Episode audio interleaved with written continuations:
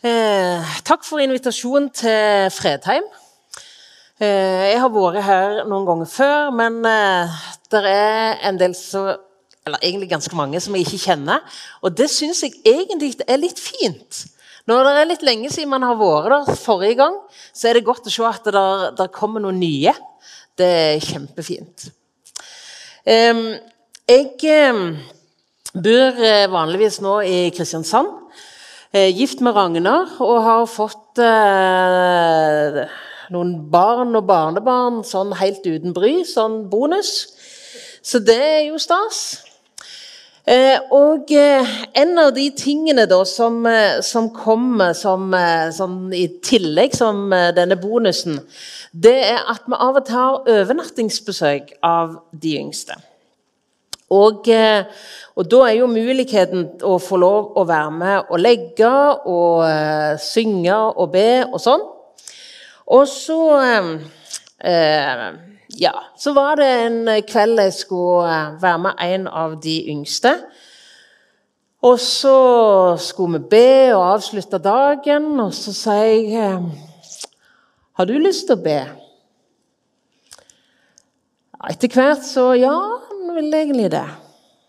Og så begynte han sånn som nå. Kjære Gud. Tusen takk for en fantastisk dag. Og så plutselig ble han litt stille, og så sa han nei, forresten. Jeg syns egentlig ikke det var så bra dag. Og så fortalte han om de tingene som han syntes var vanskelige, det han hadde syntes var urettferdig. At ikke storebror ville være med og spille det som han hadde lyst til. At han ikke hadde fått det helt sånn som han hadde tenkt. Og så fortalte han det til Jesus. Så når han var ferdig, sa han Jesu navn amen. Tenkte jeg, Han som vi skal snakke om i dag, det er en sånn bønnemann. Blant annet. Det er ikke det vi skal ha på, hovedfokus på i, eh, i undervisningen, men uh, allikevel. Det er fantastisk å kunne være ærlige med ting sånn som det er. Og Jeg har forstått at dere har hatt en sånn en, uh, serie nå med personer fra Bibelen. og Det skal vi fortsette med. Så hvis vi får opp nå på veggen den personen vi skal snakke om i dag, så ser dere en ganske sånn utslitt, litt sånn hvilende fyr her. Det er fantastisk synes jeg, med persongalleri i Bibelen. Mennesker vi kan lære av. Eh, det er ikke noen helgener. De opplever livet. De, har, de er ekte. Det er seier, det er nederlag, det er medgang, det er motgang. Hvem er denne karen som ligger under et tre her? Um, er lurt å skrive på. Dette er Elia. Det står om profeten Elia. Hans historie kan du lese om fra første kongebok, kapittel 17, eh, og til andre kongebok, midt i kapittel 2. Eh, Elia han har får tjenesten sin i en ganske krevende tid. Det er ganske mye avgudsdyrkelse, religiøst forfall, et eh, gudsfiendtlig kongepar, Akab og Jesabel. Men midt inn i denne tida, som egentlig er utfordrende, så har profeten Elia et navn som er et vitnesbyrd. Elia betyr 'Javé er min Gud'. Hans tjeneste starta ikke akkurat med liksom et sånn fantastisk budskap til kongen. Han kommer egentlig med et tøft budskap til kongen. Det starter med at han sier nå skal det være tørke i landet i tre år. Eh, profeten sjøl blir av Gud tatt avsides. Han tas med til øst for Jordan, til en bekk som heter Krit, og der er han i ganske lang tid. Der er det noen ravner som kommer med mat til han, og han drikker bekken. Gud har omsorg for sin profet. Så har det gått ca. tre år, og tida for tørke den er snart over. Og Har du mobiltelefon og en bibel der, eller hvis du har med deg bibel, så må du gjerne slå opp i første Mosebok, kapittel 18. Eh, der eh, møter vi den, den situasjonen der profeten han er på vei til kongen. Og han sier til kongen nå ønsker jeg at du skal invitere Nå skal alle Israels folk inviteres til det høye fjellet vårt, Karmel. Og så skal dere få vite hva som skal skje. Og så går budskapet ut. Eh, massevis av folk de kommer til Karmelfjellet. Og så står Elia fram. Og Man kan på en måte se han for oss helt alene på en måte, i møte med hele folket sitt. Han som var den som hadde kommet med det tøffe budskapet fra Gud. Det skal være tørke i tre år. Jeg tipper han var liksom ikke den som alle tenkte best om. Og så står han her nå igjen alene, og så stiger han fram en autoritet ifra Gud så stiger han fram, salva av Gud, på en helt spesiell måte. Og først så konfronterer han israelsfolket. De som levde i denne avkristna, eller tida der Guds navn ikke ble tatt på alvor. Hvor lenge vil dere halte til begge sider, sier han. Han utfordrer dem til å ta et valg. Og så er det altså over 800, 850 avgudsprofeter som vanligvis holdt til hos dronninga og kongen på Slottet. De tilba Bal og Astarte.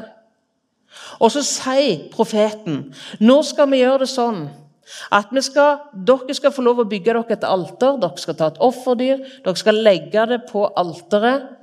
Jeg skal gjøre det samme. Ingen av oss skal tenne på alteret.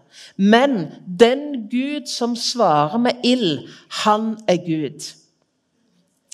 Og det må ha vært litt av en stemning på Karmelfjellet når Balsprofetene først tilbereder alter, offer, legger ved på, og så begynner de å be om at deres guder skal få fyr på alteret. Og det skjer ingenting.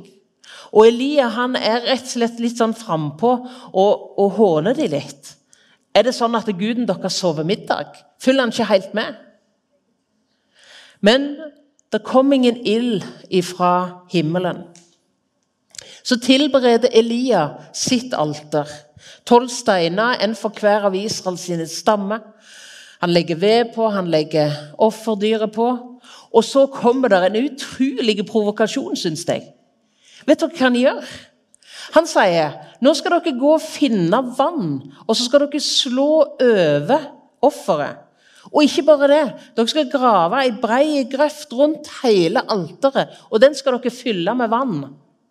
Og han snakker til bønder, han snakker til folk som har måttet slakte dyra sine, for det var ikke vann. Og nå skal de rett og slett sløse sånn med vannet. Men Elia han, han utfordrer sånn.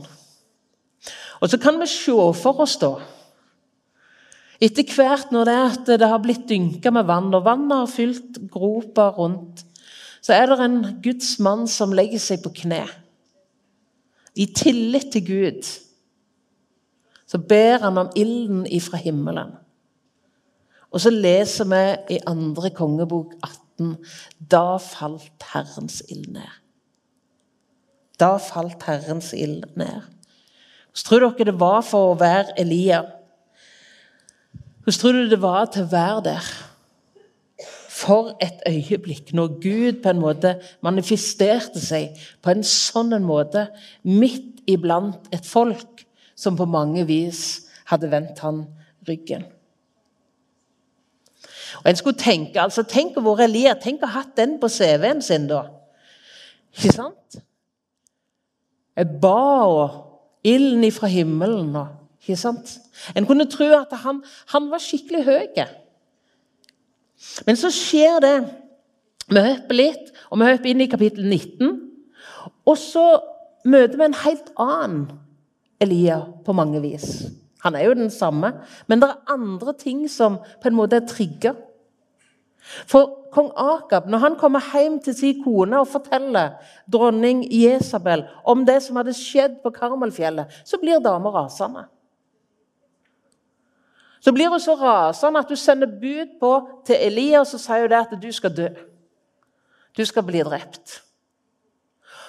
Og en skulle tro at den mannen som hadde stått i en sånn kraft, som hadde stått med en sånn myndighet, som hadde stått med en sånn tillit til Gud Han hadde bare sagt, 'Ja, bare kom. Bare kom. Jeg har ingenting å frykte. Gud er med meg.' Nei,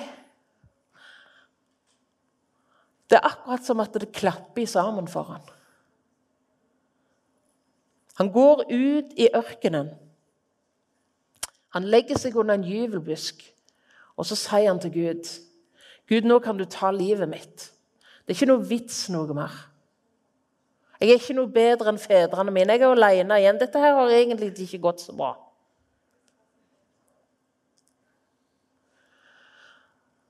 Og så kan en tenke hva gjør Gud når det er sånn? Hva gjør Gud? Hvordan møter Gud en sliten profet? En tom, uttømt tjener? Er det 14 gode råd? Selvhjelpsbok? Er det masse påminnelser om hvor takknemlig han har grunn til å være? Nei. Tenk at, at Gud møter han så nært. Så midt inn i de behov som han har akkurat da. Gud gir han søvn. Han sovner. Åh, det er legedom i søvn. Gud kommer via en engel, og så vekker han han, og så sier han her er det mat, ferdig mat. Og Jeg er så glad for at han ikke kom med pil og bue og sa at nå må du ha god jaktlykke. Nei, det var fast food. Sikkert sunneste utgave. Det var ferdig. Det var varmt. Og så sovner Elia igjen. Så kommer engelen en gang til. Og Gud, som har skapt oss, han vet hvordan det er å være menneske. Det er ingen som kjenner våre behov, som kjenner årsaken til våre reaksjoner, sånn som Gud. Og det er ingen som så barmhjertig og forståelsesfullt møter oss i de behov som vi har. Engelen kommer igjen, kommer med mer mat. Nå må du stå opp. Du skal ikke bli her. Må du stå opp, Elia. Og så står det det må jo ha vært noe, litt av noen rakettgreier i den maten. For styrke av maten, står det, så gikk han i 40 dager og 40 netter. Snakker meg om Duracell. 40 dager og 40 netter. Styrke maten. Så kom han til Guds fjell Horeb. Et nytt fjell der som Gud åpenbarer seg. Og så spør Gud hva vil du her? Og så er det som å høre han lille vennen min som ber kveldsbønn. Så sier han, 'Gud, dette har gått skikkelig dårlig.' Dette har gått skikkelig dårlig. Vi møter en profet som er mismodig, som er litt sånn smådeprimert. Jeg er alene tilbake. Selv om jeg har gjort det som du ville, Gud, selv om jeg har formidla det som du sa, selv om jeg har stått i det som du ville jeg skulle gjøre, sånn som jeg oppfatta det, så har det ikke lykkes, Gud. Jeg er fremdeles alene. Det har ikke blitt noen suksess, noen vekkelse, noen omvendelse. Jeg er mislykka. Jeg tror at når det er at vi er i nærheten av det uttømte, eller i nærheten av den berømte veggen, så tror jeg noe av det mest typiske er at man kjenner på det der mislykketheten. Man kjenner på det man skulle ønske var annerledes, det man ikke får til. Ensomheten. Her har vi selskap hos profeten Elia. Sånn har jeg det, Gud. Og så kommer Gud og møter han på nytt. Først så kommer han i stormen. Så kommer han i jord... Eller først så kommer det en storm, så kommer det et jordskjelv. Og så er ikke Gud i det. Sånn Generelt så syns jeg jo det er veldig godt å vite at Gud er i stormen og Gud er i jordskjelvet. Men ikke akkurat da var han det. Det var ikke sånn han kom til Elia. Han kom gjennom den stille susen, står det. Det stille. Gud møtte profeten igjen. Og så fortsetter Guds omsorg. Han som hadde gitt han mat, han som hadde gitt han søvn. Han som hadde styrka han, han som hadde møtt han. Nå sier han du skal få nye medarbeidere, Elia. Nå er det to stykk her som du skal salve til konger. Og så er det en odelsgutt, Elisa. Han var der nok på Karmel. Nå går han og pløyer åkrene. Det er gøy å være bonde igjen, for det har begynt å blitt regn. Men nå skal du gå til han, skal du salve han til profet som skal overta etter deg. Nye medarbeidere. Så kan man tenke hva kan vi lære av profeten Elia? Hva kan vi lære av hans liv, sånn som han opplevde det? Jeg tror at mange av oss kan kjenne oss igjen i den der uttappa eller uttømte følelsen. Av og til så river det å være menneske. Det kan være tøffe tak. Om det handler om en åndskamp, om det handler om en krevende hverdag, om en sykdom, om tappende relasjoner. Om det handler om koronatid som har utfordret oss på kontrollen over livet vårt. Usikkerheten i forhold til framtida. Det er så mange ting som på en måte kan ta energien vår. Av og til så snakker vi om det med å være utbrent. Nå tror jeg at det kan være noen, noen grader her, og det er noen forskjeller på å være uttappa og være utbrent. Men i alle fall så, så tenker jeg at eh, når man er uttappa, når man er sliten, så trenger man hvile, så trenger man en pause, så trenger man å bli forstått, så trenger man å få fylle på. Hvis det er at den, man ikke bare liksom kjenner kanten av veggen, men hvis man smeller i den og, og kjenner på utbrentheten, så trenger man kanskje noe mer. Man trenger kanskje enda lengre pause. Man trenger kanskje noen å snakke med. Man trenger kanskje litt ekstra. Jeg har kjemperespekt for deg som, som strever i dette landskapet her. Kjemperespekt. Og Det er utrolig viktig tenker jeg, at vi kan snakke med hverandre. Vi kan hjelpe hverandre.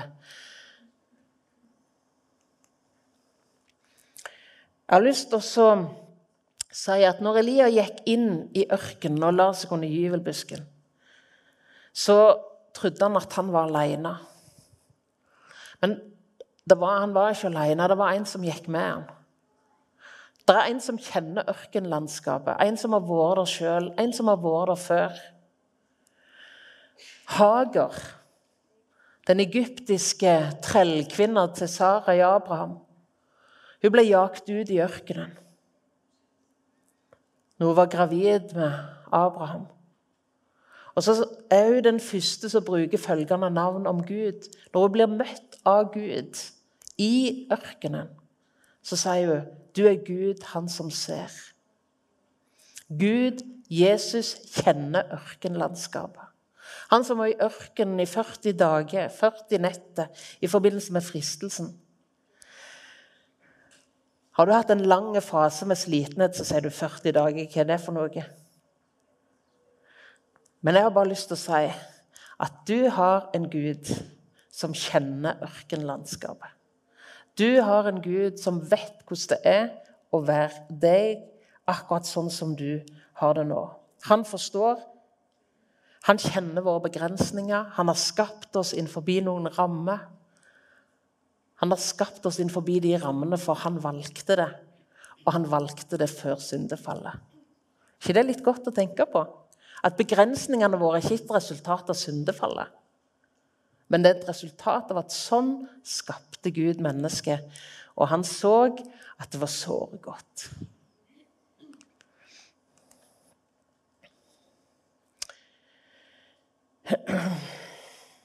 Gud møter fremdeles sine trøtte, uttappa, slitne tjenere med en fars omsorg. Det er ikke viktigst for Gud hvor flink du er. At du har 14 tjenester, og at du kan stå på minst 18 timer i døgnet. Du får ikke poeng i himmelen av bragdene dine. Du kan ikke gjøre noen ting som får Gud til å elske deg mer. Du kan ikke gjøre noen ting som kan få Gud til å elske deg mindre. Når det er at man er i den krevende fasen, det er at man kanskje kjenner på den slitenheten, da trenger man mer enn noen andre ganger å bli påminnet om at Gud elsker deg fordi at du er du, og han er han. Det er en ubetinga kjærlighet, og det er kanskje noe av det viktigste av alt Jesus ønsker å møte oss med. Sølvi Hopland skriver nå skal du få være barn og ikke tjener. Nå skal du være liten, ikke stor. Du er ikke uunnværlig som en tjener, men som barnet mitt er du umistelig. Tenk å få lov å finne denne plassen ved Guds hjerte, i Guds armer. Elska, tatt vare på av Gud.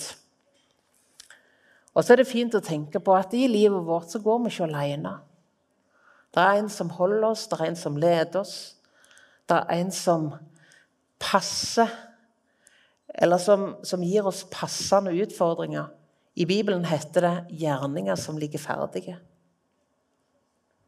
Gjerninger som ligger ferdige. Jeg har lyst til å avslutte med en invitasjon. Eh, vi er mange her, og vi er i ulike livssituasjoner. Noen kan kjenne seg igjen i Elia under gyvelbusken. Noen kan kjenne seg igjen i Elia på Karmelfjellet. I gleden, i frimodigheten, i tryggheten, i myndigheten. Tilliten til Gud og at han tenner fyr på offeret. Han lever, at han kan. Uansett hvordan du har det, så, så er det en invitasjon fra Jesus. Kom til meg. Kom til meg. Og så har jeg òg lyst til å si Enkelte ganger så er det sånn at vi ikke helt vet hvor vi skal finne den. Og gjerne spesielt hvis vi er i de tidene under det der treet. Så vet vi ikke helt hans adresse. Vi står litt som Maria i gravhagen, og så sier vi de har tatt Herren min bort, og jeg vet ikke hvor de har lagt han. Jeg vet ikke hvor de har lagt den.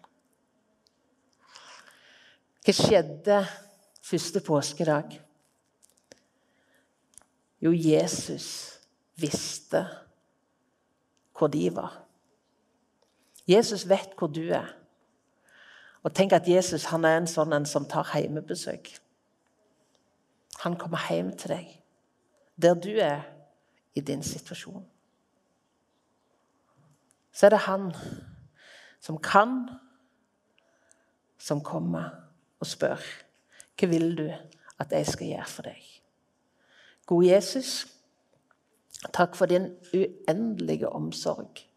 Takk for den X-faktoren som du er i våre liv. Takk for den kraft og makt og herlighet, hellighet, som er i ditt nærvær, som er i deg. Takk for det varme farshjertet. Takk for det barmhjertige blikket. Takk for den kjærligheten som som dunker gjennom dine hjerteslag, Jesus, for dine. Så takker de Jesus for de som du ser som, som er i flyt, som har det bra. Takker de Jesus for gode tider i livet. Takker de Jesus for de vanlige dagene, for at du er der òg. Og så takker de denne dagen, Jesus, spesielt for det blikket, den omsorgen, det hjertet du har for de som føler seg ensomme og slitne. Herre, kom.